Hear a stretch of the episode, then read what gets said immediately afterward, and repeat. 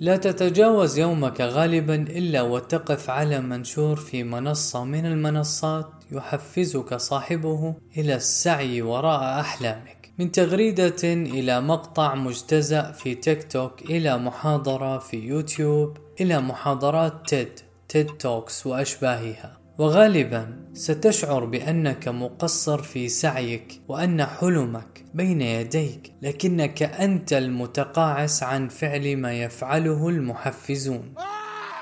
خطابات التحفيز motivational speech.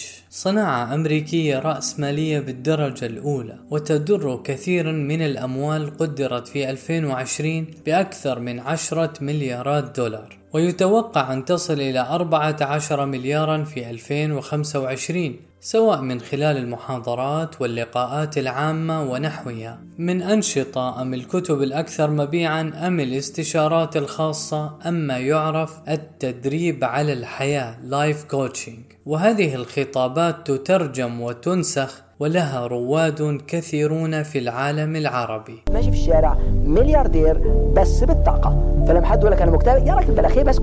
مكتئب. من أهم عناصر قوة خطابات التحفيز الفئة التي تستهدفها. فلن يبحث عن خطابات التحفيز شخص مستقر عاطفيا ونفسيا ولن يستمع إليها شخص يرى حياته تسير كما يجب. قوة خطابات التحفيز في أن جمهورها يعيش في أزمات وتحولات حياتية كبيرة ويبحث عن بصيص أمل لمواصلة العيش. وهذا ما يجعل فيديوهات خطابات التحفيز طويلة ومنوعة لتستمع إليها عدة ساعات فتهدأ روحك القلقة والمنكسرة. هنا تأتي سمة أساسية من سمات خطابات التحفيز وهي التركيز فيما هو بديهي. فالبشر منذ آلاف السنين يعرفون أن من جد وجد ومن زرع حصد. لكن عندما يقولها شخص بلغة حديثة أنت تستطيع. وإذا حلمت بجد وسعيت إلى تحقيق أحلامك فستتحقق. يصبح لها سحر مختلف لا تحتويه حكمة القدماء. أما السمة الثانية فهي اللغة المبسطة فبدلا من الأحاديث الفلسفية الثقيلة حول معنى الحياة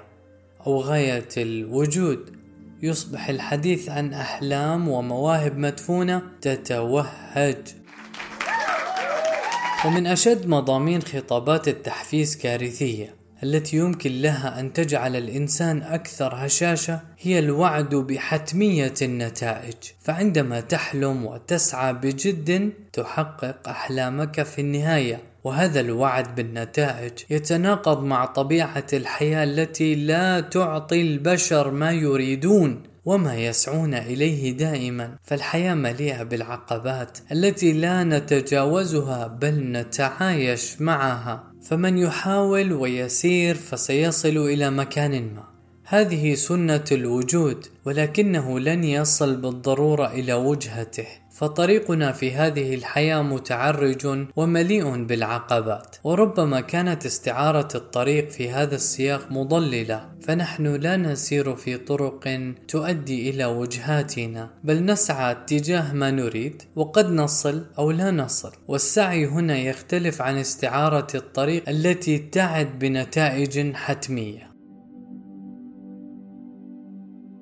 أما أخطر عناصر خطابات التحفيز فهو افتراض السير وحيدا لتحقيق أحلامك وأن أي نقد أو توجيه أو نصيحة لا تتوائم مع أحلامك ومخططاتك فهي تأتيك من شخص عليك التخلص منه فورا. وهذا الخطاب الحاسم يفترض أن نواجه صعوبات الحياة فرادى وهذا غير صحيح.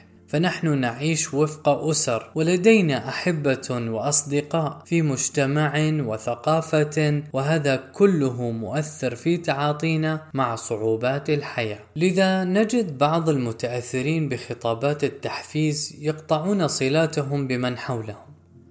وكأن هذه الخطابات لا تنجح إلا بعد عزل الإنسان عن محيطه. وهنا نخسر أهم حسنات دوائرنا الضيقة التي نحيا فيها. إنهم يذكروننا من نحن عندما نفقد وجهتنا ويخبروننا بأخطائنا عندما نرتكبها ويساعدوننا على النجاة عندما تداهمنا نكبات الأيام. وما أتحدث عنه هنا يختلف عن تسليم حياتنا للآخرين.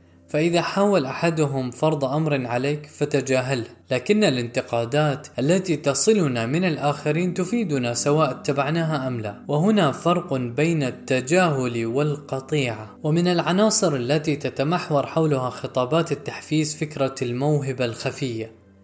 ففي داخل كل إنسان موهبة وشغف يستطيع استثماره لتحقيق النجاح أو المال.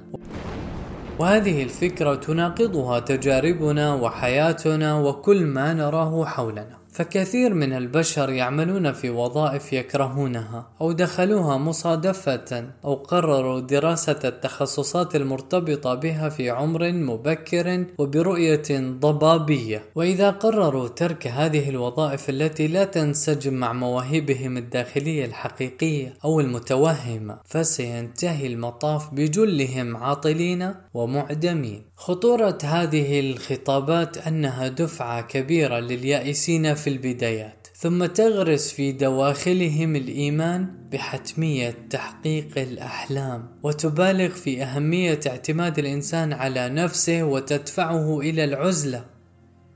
لينتهي به المطاف محطما بائسا. أشد مما كان أول الأمر فالحياة قاسية وكثير منا يولدون بلا مواهب وبعضنا لن يحقق أحلامه أبدا.